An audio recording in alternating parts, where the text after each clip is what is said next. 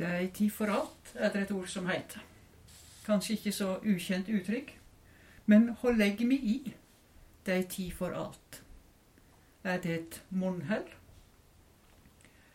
I Forkynneren 3, vers 1, så står det at alt har si tid, og ei tid er det sett for alt det som hender under himmelen. Det er ei tid for alt. Livet ditt og mitt, det går i bolker, eller perioder, om du vil. Det er ei tid for å være barn, ei tid for å være ungdom, ei tid for å være student, og så videre slik. Småbarnsforeldre og ja, besteforeldre og oldeforeldre. Vi legger noe bak oss, samtidig som vi ber det med oss. For det blir en integrert del av livet, det å være et barn, en ungdom. Vi har med oss noe fra denne tida som vi ikke kan viske ut eller legge ifra oss sånn uten videre. Det er noe som henger i hop med tid og med time. Ja, det er ei tid for alt. Og så, når jeg har og togget litt drøv på dette, så har jeg òg tenkt mye på det med at Gud, han har en særskilt time. For det handler om en plan, om tid og time gjennom hele bibelboka. Gud, han er ordens Gud. Det er ikke noe tilfeldighet her. Det er ikke noe som kommer rekende på ei fjøl. Nei, det er en plan, det er en struktur. Jeg skal ta deg med gjennom noe døme fra bibelboka. Jeg syns det er gildt å, å, bla tilbake og, og se hvordan Gud har tenkt, iallfall det som jeg med min forstand klarer å gripe.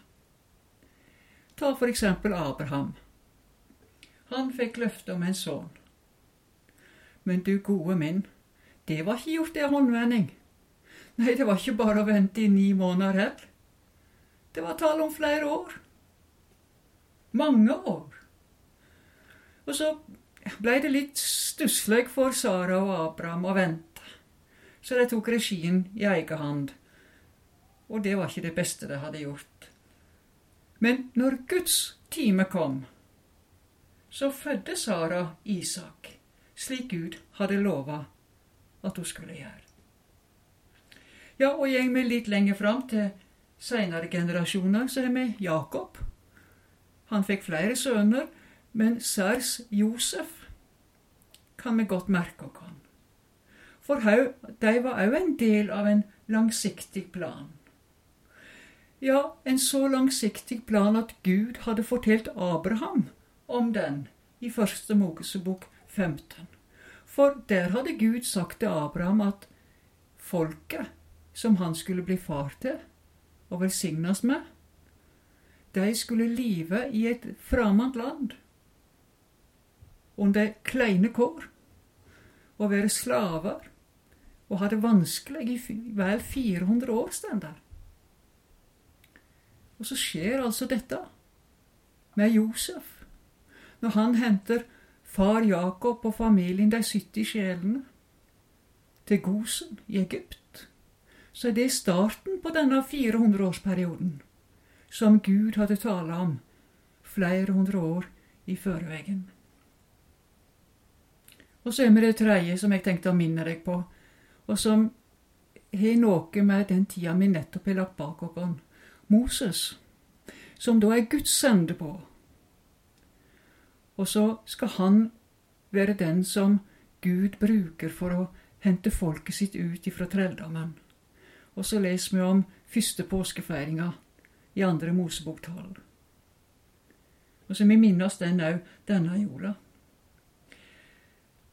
Men så er det noe midt oppi dette som jeg syns er så vidunderlig, for innimellom her så er det òg noe med enda tydeligere med Guds time. For alt det som jeg har nevnt nå, og mye mer.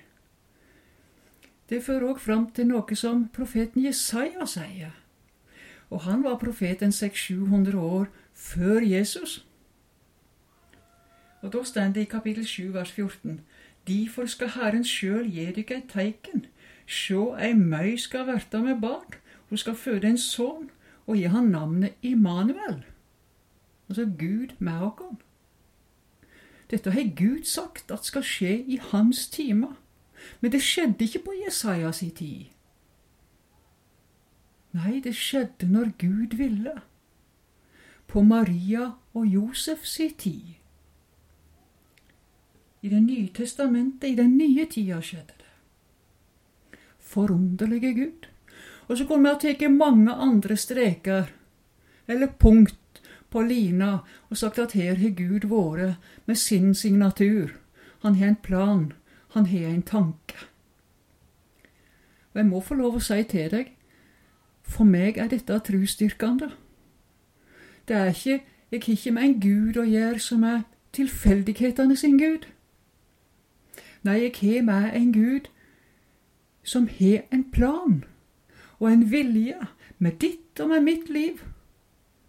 Han vil berge oss for himmelen. Han veit hvert eneste steg, og han har en plan. Men så lærer dette meg med Abraham, med Jakob og Josef og med Moses. Jeg må ikke ta meg til rettes, for Moses gjorde jo òg det. Han drap en egypter. For han trodde at det skulle føre til at folket forsto at det var han som skulle hjelpe israelsfolket ut av fangenskapet og trellehuset i Egypt. Men det nytter ikke det, er det å gå sin egen vei. Vi må gå Guds vei, for Gud har en plan. Gud har en time. Guds time. Men la meg gå inn i påsketida, for det er den som har gitt meg disse tankene kring at det er ei tid for alt. Og det er noe med påska som jeg sjelden våger å ta inn over meg, for jeg syns det er så ugreit å lese om det. Og det er mørket sin time. Det er Satan sin time. I påska. Ja, det er ikke gildt. Med mørkere sin time ei tid i Guds plan og vilje. Det er ikke mulig å komme utenom den om du og jeg skulle kunne berges tilbake til Guds rike. Vi kan ikke komme forbi den. Og det er underlig å lese i evangeliet om hvordan de skriftlærde og fariserene holdt på med Jesus. De utfordrer han støtt og stadig på spørsmål om både det ene og det andre. Ja, og så fikk de det særskilt travelt etter at Lasarus var vekt opp ifra de døde. For da var de i alle fall bestemt på at nå måtte de kvitte seg med Jesus, sjøl om mange steder i Johannesevangeliet forteller at det var det de var opptatt av. Han var en utfordrer, og de mente at han lagde mye bråk. Det er underlig, de skriftlærde, fariserene og de eldste. En skulle tro at en kunne rekna mer med dem enn som så, forventa noe mer. Men nei, ikke fra deg. Jeg tror ikke vi skal si så mye mer om det, men vi kan få noen tanker for 2020 òg. Men det som er noe av det som jeg syns er, er, så sårt, ja, det såreste, det er det som handler om sviket fra en av de tolv. Fra en av de tolv. En av Jesu næreste venner. For én ting er nå det som kommer utentil ifra de som ikke kjenner Jesus. Og de sier og mener, ja, det kan da være så ymse. Og de kan fare ille med Guds folk og med den som vi har Jesus til, slik de gjorde med Jesus denne gangen. Men når sviket kommer ifra ens egne, det råker så mye hardere da. En av de tolv det var lyggen. Det var falske skullinger. Og kanskje er det en i denne forsamlinga på Nærbø i dag. Eller kanskje flere. Hva vet jeg. Men det er kanskje noen som har gjort denne erfaringa, òg midt i kristenflokken. og som kanskje ikke makter å gå på bedehuset lenger en gang, eller i Guds forsamling, hvor navn og staden enn måtte ha. For det var noen som ikke sa det som var sant. Det kom med skullinger, eller de ja, de lot seg bruke av noen krefter som ikke hørte Jesus til, for å si det slik. Og så skal ikke jeg male det, verken med en brei eller liten pensel, men bare si at vi er ikke fri for det i den kristne forsamlinga i dag heller. Om kanskje ikke sviket er like sammenlignbart med det vi leser om i påska. Skjønt, der var da noen av de andre i Jesu fyr som òg svikta.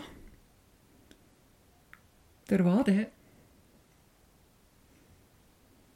Men når en møter slike ting i livet, i, i den truende forsamling der en har lyst til å kjenne seg trygg og glad og være mellom venner,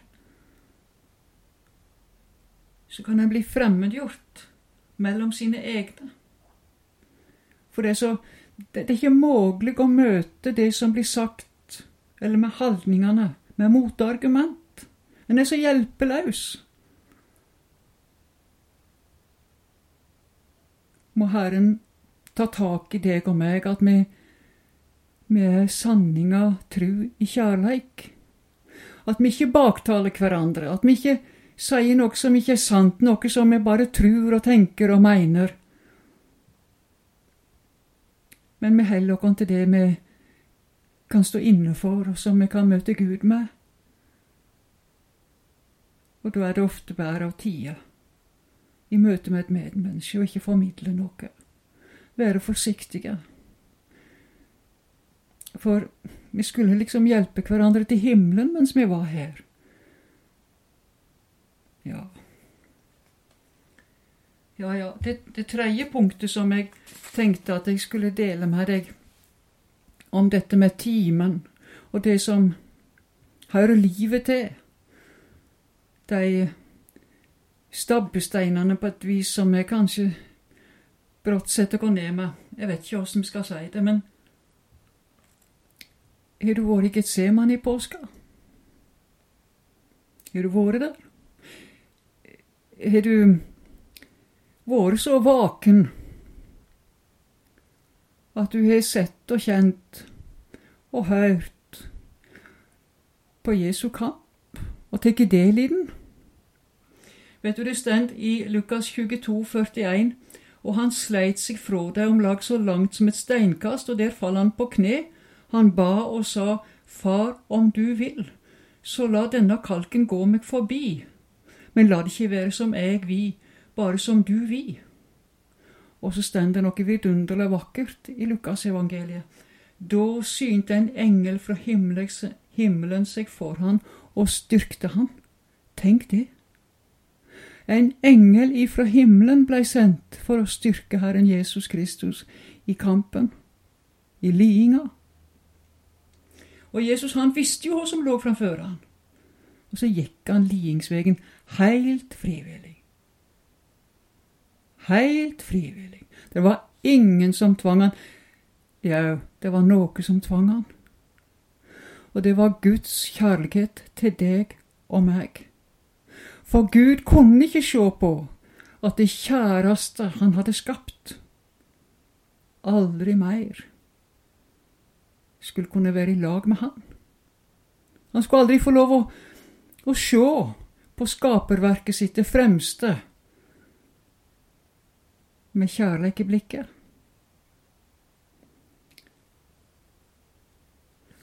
Nei, det er, det er svære ting. Ingen av oss skal som Jesus gå samme veien. For Jesus, han gikk den. En gang for alle. Han gikk han for deg, og han gikk han for meg. En gang. Det er ikke nødvendig med flere ganger. Og hvorfor er det ikke det? Nei, for Jesus han sitter ved Guds høyre hand, og Gud han har signert skuldbrevet. Det er betalt. Det er fullført. Og det sa Jesus på korset òg. Det er fullført, sa han. Og så er det det. Men kan du og jeg lære noe av Jesus i Getsemane? lære noe om bønn, lære noe om tålmodighet, om det å være utholdende. For svevnen i lidingstimen den er det ikke mye å skryte av. Svevnen i lidingstimen. Men hør I stedet for å sove kan vi lære av Jesus å ause ut for Herren det som fyller hjertet. Ja, kan vi ta fram ei Davidssalme ifra salmeboka i Bibelen og bruke den til hjelp og gi ord til bønn i møte med Gud? Kan vi det? Ja, vi kan det. Vi kan det, og vi bør gjøre det oftere. Gi det det rette navn. Og vite at vi taler til Gud, den allmektige, den tre ganger hellige Gud. For svevn Ja, men da er du ikke til stades, da. Når jeg sover om nettene, jeg vet da ikke hva som skjer rundt meg, jeg.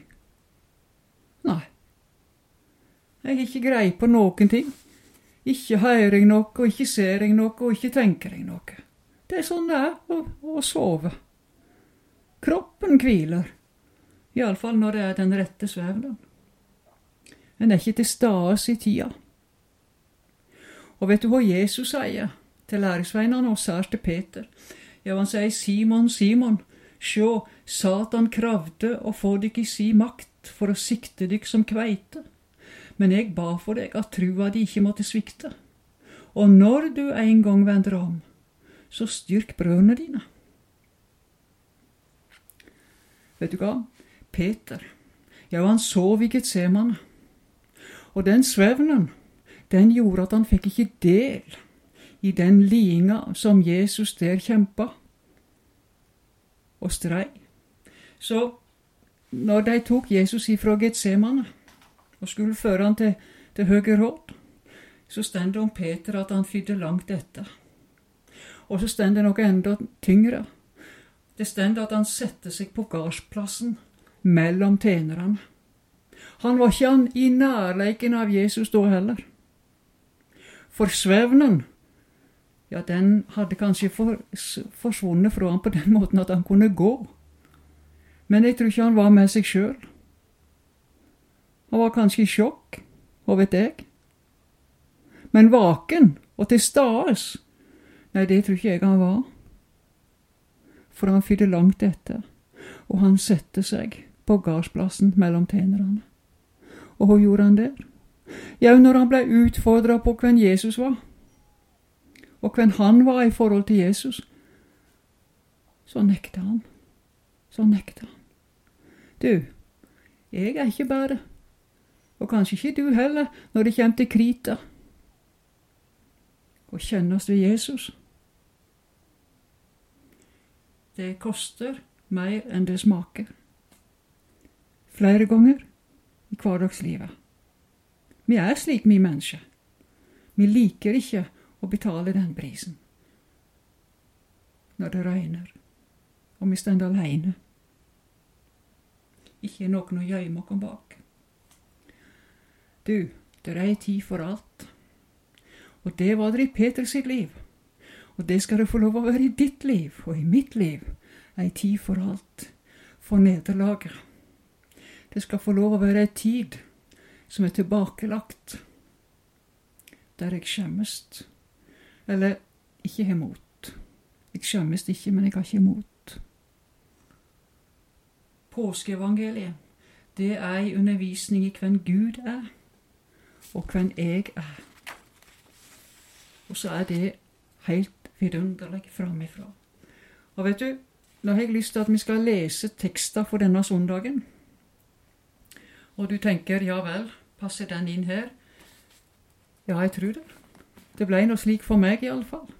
Så jeg leser fra Johannes kapittel 21, vers 1-14, om et Jesusmøte. Og det står slik i Jesu navn. Sian åpenbærer Jesus seg att for læresveinene attmed Tiberiasjøen, og da åpenbærer han seg på denne måten. Simon Peter, Thomas, han som ble kalla tvilling, Nathanael fra Kana i Galilea og Sebedeus-sønnene og to andre av læresveinene hans var sammen der. Simon Peter sa til de andre, Jeg går av stad for å fiske. De sa til han, Mi gjeng med deg, vi òg. Og de gikk av sted og steig i båten, men den natta fant de ikke noe. Da det alt lei mot morgenen, sto Jesus på stranda, men læresveinene visste ikke at det var Jesus. Og da sier Jesus til dem, Det har vel ikke noe fisk på den? Nei, svarer de. Han sa til dem, Kast garnet på høyre side av båten, så får de fisk. Da kasta de det ut, og nå greide de ikke å dra det opp, så mye fisk var det. Den læresveinen som Jesus elsker, han sier da til Peter, det er Herren. Da Simon Peter hørte at det var Herren, batt han kappa om seg, for han var naken, og kasta seg i sjøen.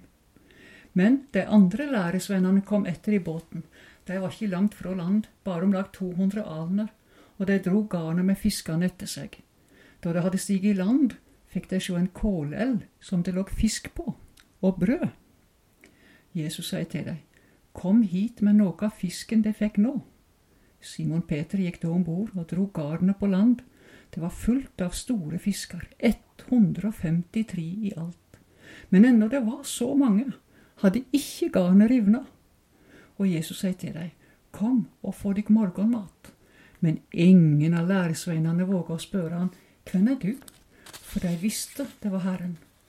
Jesus kjem og tek brødet og gir dem og likeens fisken. Dette var tredje gangen Jesus åpenbæra seg for læresveinene etter at han var stått opp fra de døde. Vet du en ting? Jesus er alltid klar for å møte sine. Ja, han er ikke bare klar, men han oppsøker deg og meg der vi er. For han elsker oss på en slik måte at han ikke kan ta øynene ifra oss. Er ikke det flott? Og så Peter. Han er det så travelt med å komme seg på land, for han må møte Jesus. For det er ei tid for alt. Det er noe som ligger bak. Det er ei ny tid.